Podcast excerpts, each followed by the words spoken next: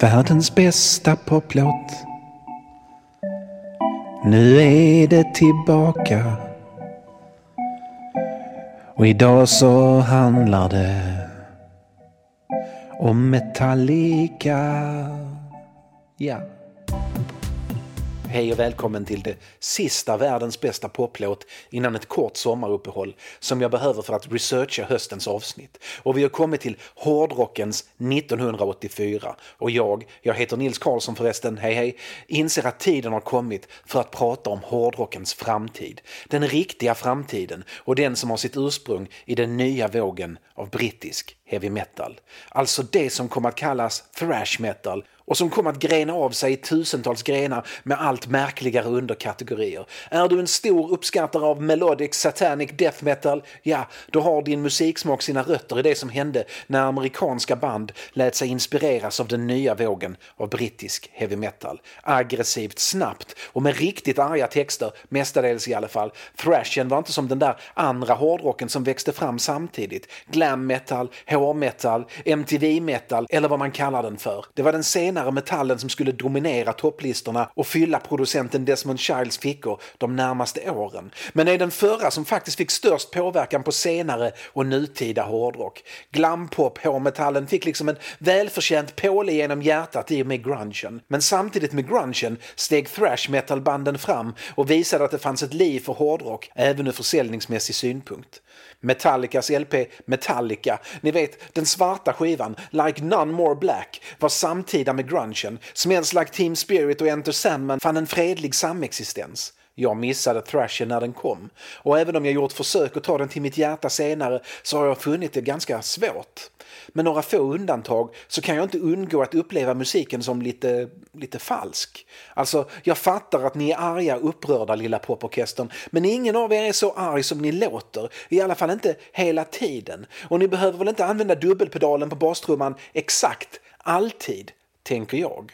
Sångtexterna, återigen med några undantag, gör mig mest irriterad. Kännetecknande för thrashen är de mycket ilskna sångtexterna. Ja, men visst lilla popsångaren, du är arg och besviken över krig och elände och mord och våld och heroin eller vad det nu är och de vuxna svek men alltså du har sjungit det nu sju gånger i sju olika låtar och det hade varit roligt att höra något lite mer, säg konstruktivt än att allting är skit. Kan du inte sjunga om ett förslag till lösning? Ett förslag som är lite mer konstruktivt än kill em all. Men de här känslorna jag har kan säkert ha att göra med att jag upptäckte thrashen för sent.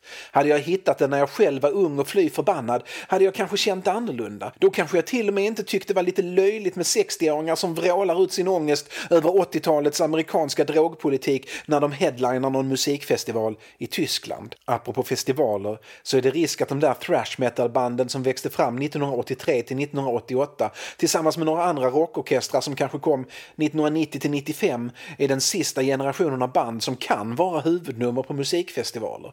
Giganternas tid är förbi och ett efter ett går de självklara dragplåstren i pension. Och kvar står Anthrax, Slayer, Foo Fighters och några andra. Kanske Adele faktiskt. Adele kan kanske headlina festivaler några år framåt. Och så har vi ju kvar Metallica som det här avsnittet mest ska handla om. Ett band som jag hittade bakvägen och som jag har lite kluvna känslor för men som jag nog innerst inne älskar helt och hållet och fullständigt. För jag tycker på alla sätt man kan tycka att en skiva är fantastisk. Att Metallicas Ride the Lightning är den bästa hårdrocksskivan som kom ut 1984. Den har allt, utom möjligen texter om sprudlande livsglädje så har den faktiskt allt. Jag vet att många föredrar andra skivor av Metallica. Deras tredje, Master of Puppets, verkar vara fansens favorit och den svarta är den mest sålda metalskivan någonsin. I alla fall om man skiljer på metal och hårdrock. Om man buntar ihop all hårdrock till hårdrock så vinner såklart ACDC's Back in Black på knockout framåt vad det gäller försäljningssiffror. Men försäljning är ju faktiskt inte allt. Men 1984 fattade jag inte hur förbannat bra Ride the Lightning är. För 1984 var det Kiss Animalize som gällde. Vad fan, jag var 10, skulle fylla 11. Vad fan visste jag om bra musik? Jag älskade Kiss och I've had enough Into the Fire, Heavens on Fire, Under the Gun och Thrills in the Night framstod för mig som oöverträffbara mästerverk av oöverträffbar mästerverkig mästerverkighet. Jag fattade såklart att Gene Simmons låtar på samma skiva vittnade om en underliggande värdelöshet i Kiss men man kan inte skoja bort Paul Stanleys låtar på den skivan och sen fick jag Van Halens 1984 i födelsedagspresent och alltså Alltså, ja men alltså, ni hade också missat thrashen om ni bodde på Limhamn och hade David Lee Roths och Michael Anthonys med tillhörande kompmusikers helt otroliga 1984 på skivtallriken.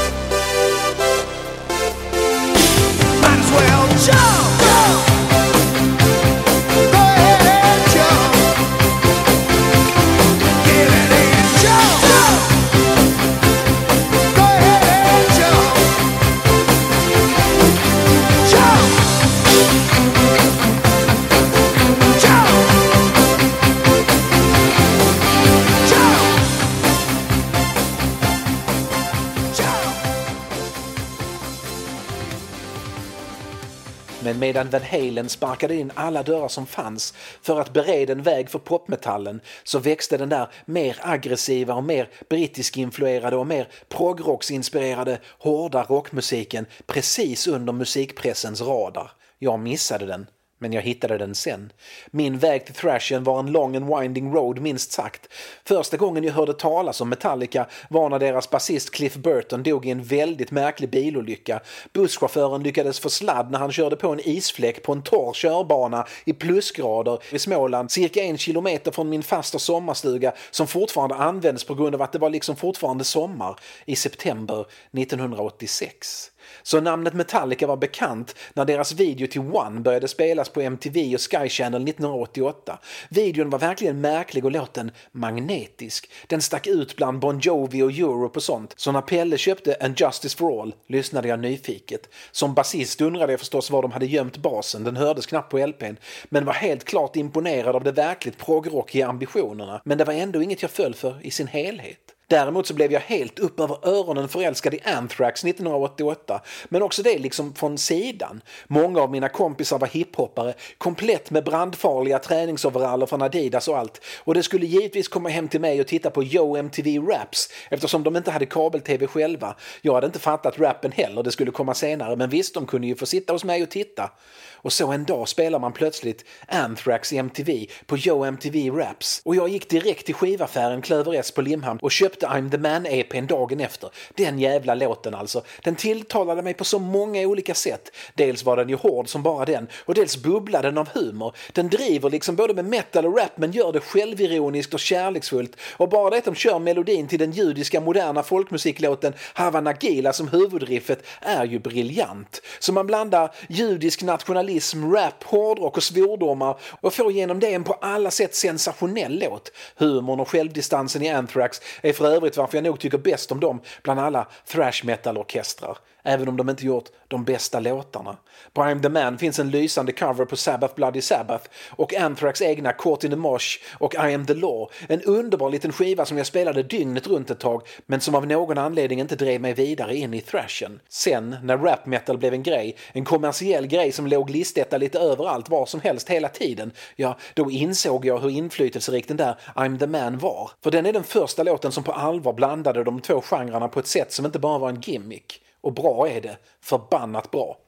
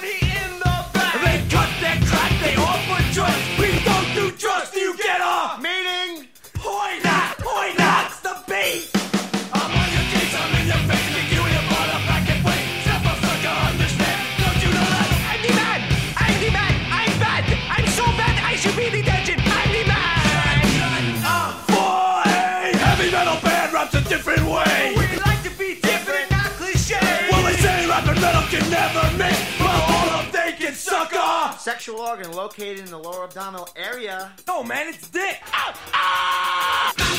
Daddy, body, the butt, the body, body, I think my nose. So I can do things. You play my butt with your. Face. Toilet paper. Yo, watch the beat. Yeah. I'm on your case, I'm in your face, I kick you in your bottom back and fight.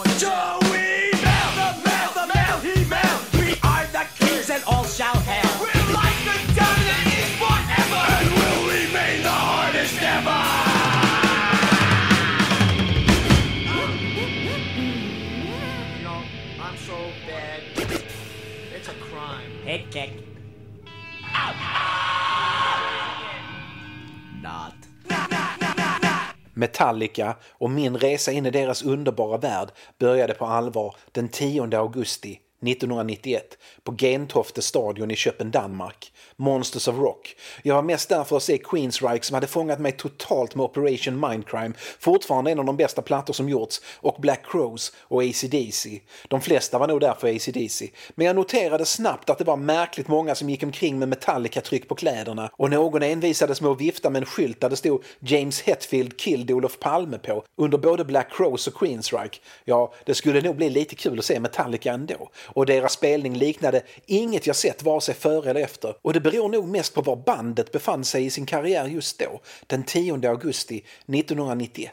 För det var bara 14 dagar sedan de hade släppt singeln Enter Sandman och den hade precis börjat få en antydan till lyftkraft, hade börjat spelas lite grann på radio och någon enstaka gång på MTV utanför deras ordinarie hårdrocksprogram. Den 10 augusti 1991 var två dagar innan deras svarta skiva skulle släppas och bli den monstersuccé den blev. Det märktes att de var osäkra i början av konserten, som de inleder med Enter Sandman, en låt som de allra flesta i publiken inte hört. De trognaste Metallica-fansen hade såklart köpt singeln, men de var en klar minoritet på festivalen och publiken vet inte hur de ska reagera. När låten är slut är det liksom stilla längst fram vid scenen. Men vi var många som tyckte det lät hur bra som helst. Vi som inte visste hur Metallica liksom skulle låta. Är det något Metallica kan så är det att läsa ett rum eller en publik. De är ett helt fantastiskt liveband, vilket är en av de främsta förklaringarna till deras storhet. Örat för popmelodier är den andra förklaringen. Så Metallica drar nästan omedelbart igång Creeping Death från Ride the Lightning, ett av de mer thrash metal thrash metal numren de har. Och publiken blir som tokiga. De kan texten, de hoppar och headbangar och kastar sig vilt fram och tillbaka och det ser helt livsfarligt ut. Det är omöjligt att inte smittas av känslan. Publiken äter ur Metallicas händer under sju minuter är vi liksom helt i Metallicas värld. Sen följer Harvester of Sorrow och världens bästa poplåt för övrigt, Fade to Black. Jublet vill inte sluta, men när Lars Ulrich på klingande danska berättar att nu ska de spela en till låt från deras nya skiva, men sen, lovar han, blir det bara gamla låtar, tystnar publiken. Någon, jag tror faktiskt det, buar lite. Och sen kör de Sad But True. Jag tyckte det var det bästa jag hört. Ingen i publiken hade hört den innan för skivan hade ju inte kommit än. Det var så storslaget och magnifikt och så hookigt och så popmusikigt och inte alls sad, true eller inte. Efteråt, samma tystnad, ett litet buande. Vad är det här? Tänkte jag. Jublet när publiken älskade bandet i kontrast med tystnaden. Misstänker att Metallica i alla fall en liten bråkdel av en sekund tvivlade lite på sin nya skiva. Situationen räddas av att Hetfield, sångaren alltså, och gitarrist, skriker i mikrofonen “Obey your master” och Ulrich räknar in Master of Puppets och efter det får bandet inget annat än kärlek. Med all rätt. Jag köpte deras svarta skiva två dagar efter, noterade att Michael Kamen, känd för stråkarrangemangen på Pink Floyds The Wall och The Final Cut, arrangerat symfoniorkester. Det bådade gott. Och visst är den skivan otrolig. Framförallt första sidan tillhör de bästa första sidorna någonsin. Inte för att Metallica inte själva sätter upp bra konkurrens när det gäller första sidor. Och resten av det året och nästa spelades det ungefär ingen musik som inte var Metallica svarta hos mig på radio eller på tv. Världen var Metallicas.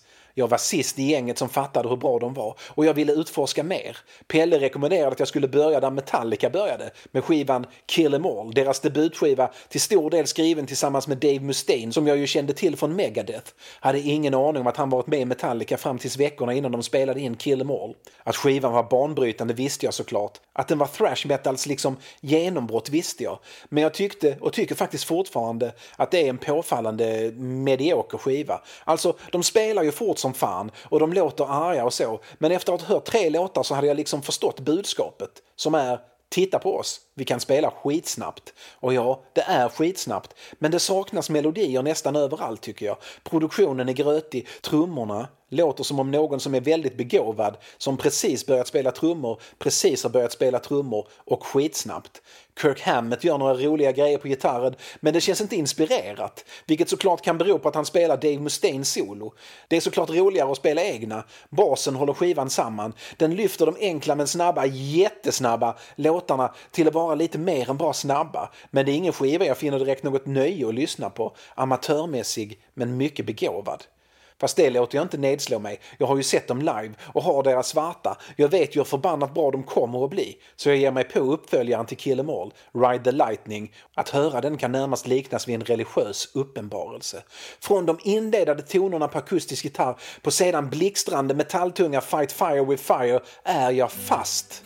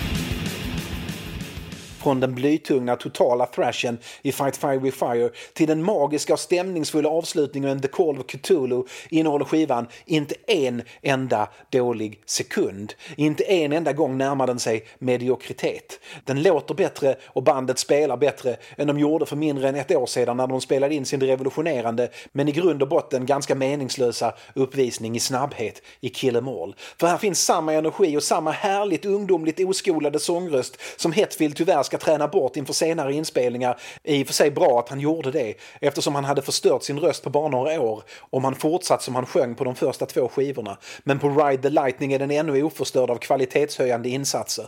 De första två låtarna, Fight Fire with Fire och Ride the Lightning, en munter melodi om att bli avrättad i elektriska stolen, står bekvämt på samma mark som Kill 'Em All gjorde, fast med mer melodi och bättre ljud. Men när From Whom the Bell Tolls rings in med en klocka som är lika delar en hyllning till ACDC's Hell Spells som Sabbaths Black Sabbath så står det klart att det här är en helt annan upplevelse vi står inför. Cliff Burton spelar leadbas och är hjärnan bakom låten och den är otrolig och visar Metallicas förvandling från amatörer till totalproffs. Han skrev större delen av den innan han, precis som Kirk Hammett, kom med i Metallica strax före inspelningen av Kill 'Em All. Här får vi den kompletterad av Hetfield och Ulrich som håller samma tempo rätt genom hela låten, i alla fall där det är tänkt att tempot ska hållas. Och anledningen till att det låter så bra är lektioner. Det började med att en musikteoretiskt skolade och mycket musiklektionerade Cliff Burton lärde Hetfield och Hammett så mycket han bara hann med om musikteori, om melodier och motmelodier och kontrapunkter och taktarter och dynamik och arrangemang och harmonier. Det var för det han hade lockats att komma med i bandet till att börja med. Hetfield och Ulrich hade sett honom spela med hans förra band och insett att den där killen är större än livet självt och alldeles för bra för att bara spela bas i ett medelmåttigt thrash metal-band. Men om han nu ändå ska spela bas i ett medelmåttigt thrash metal-band så ska han ta mig fan spela i vårt medelmåttiga thrash metal-band. Ride the Lightning är den av Metallicas tre skivor med Burton som han märks tydligast på. Här får den otroligt begåvade Jazz och Zappa och Yes och Bach och Stravinsky och Deep Purple-besatta blyge introverte pojken verkligen skina. På uppföljaren Master of Puppets som var Metallicas första på stort skivbolag är han mer tyglad. Skivbolaget vill få en hitskiva och det får de, men det innebär att skala bort de märkligaste infallen. På Ride the Lightning fanns det ingen som bromsade. Tvärtom, producenten Flemming Rasmussen, mannen med ett lika danskt namn som Udo Dirkschneider har ett tyskt, uppmuntrade vansinnigt, såg det som en styrka för han såg att Burton hade en tydlig musikalisk plan med det. Metallica har i början av 1984 inte en spänn. Visst, Kill 'Em All säljer och de är ute och spelar men de går ändå back varje månad. För att kunna fokusera på att skriva och spela in uppföljaren kommer bandet och Megaforce Records överens om att de ska spela in skivan i Danmark. Dels för att Ulrich känner tillräckligt många i Köpenhamn, han är ju äkta dansk, för att de säkert ska kunna låna någons lägenhet att sova i. Och dels har de efter mycket tjat lyckats övertyga skivbolaget om att det vore en lysande idé att spela in i samma studio som Rainbow spelade in skivan Difficult to Cure 1981. Så mycket älskade Lars Ulrich och James Hetfield Rainbows Difficult to Cure att de såg till att boka snubben som varit ljudtekniker på Difficult to Cure som producent på Ride the Lightning. De var barnsligt glada över att få spela in i samma studio som en gång Richie Blackmore och Roger Glover och Don Airey och Bob Rondelli och Jolin Turner spelade in Difficult to Cure. Difficult to Cure är inte en bra skiva. Den är inte ens i närheten av att vara en bra skiva. Rainbow var en gång i tiden bland de bästa av de bästa. De tre skivorna de gjorde innan Richie Blackmore sparkade Dio är alla som lysande stjärnor på hårdrockshimlen. Men Blackmore ville locka brudar till konserterna och då var det ett mer poppigt sound han sökte. Down to Earth blandade hårdrock med mjukare låtar med siktet inställt på topplistorna och de fick mycket riktigt en stor hit med Russ Ballards fina Since You've Been Gone. Episkt sjungen av Graham Bonnet som Richie Blackmore lite olyckligt började avsky. Något som verkar oundvikligt i alla relationer Blackmore har förutom den med hans fru. Så under inspelningarna av uppföljaren Difficult to Cure fick Bonnet sparken och in kom Jolene Turner. Skivan är en katastrof, som förvisso börjar bra med ytterligare en Russ Ballard-låt som också blev en hit, I Surrender, men sen blir det liksom en sliskig massa av kommersiellt kalkylerad hårdpop med det lilla problemet att Richie Blackmore inte skulle kunna skriva en hookig refräng om så hans liv berodde på det. Ta det inte fel, snubben är ett geni men hans geni ligger på andra områden än att skriva poplåtar som tar plats på listorna. Och just när man inte tror att skivan kan bli värre så kickar den igång sista låten som är en fullständigt vedervärdig bearbetning av Beethovens nionde symfonis fjärde sats. Ska dock säga att en alldeles lysande version av den låten finns på Final Vinyl i en liveversion med symfoniorkester. Den är helt otrolig och där är gitarrsolot bortom all möjlig fantasifullhet. Han är briljant när han är briljant Richie Blackmore. Men det är såklart kul för Metallica fått spela in där deras favoritskiva spelades in, även om det tyder på att de har tveksam smak vad gäller favoritskivor. Det är bara det att när man hör tidiga Metallica så är intrycket man får att det är just den här typen av hårdrock de gör uppror mot och vill revolutionera.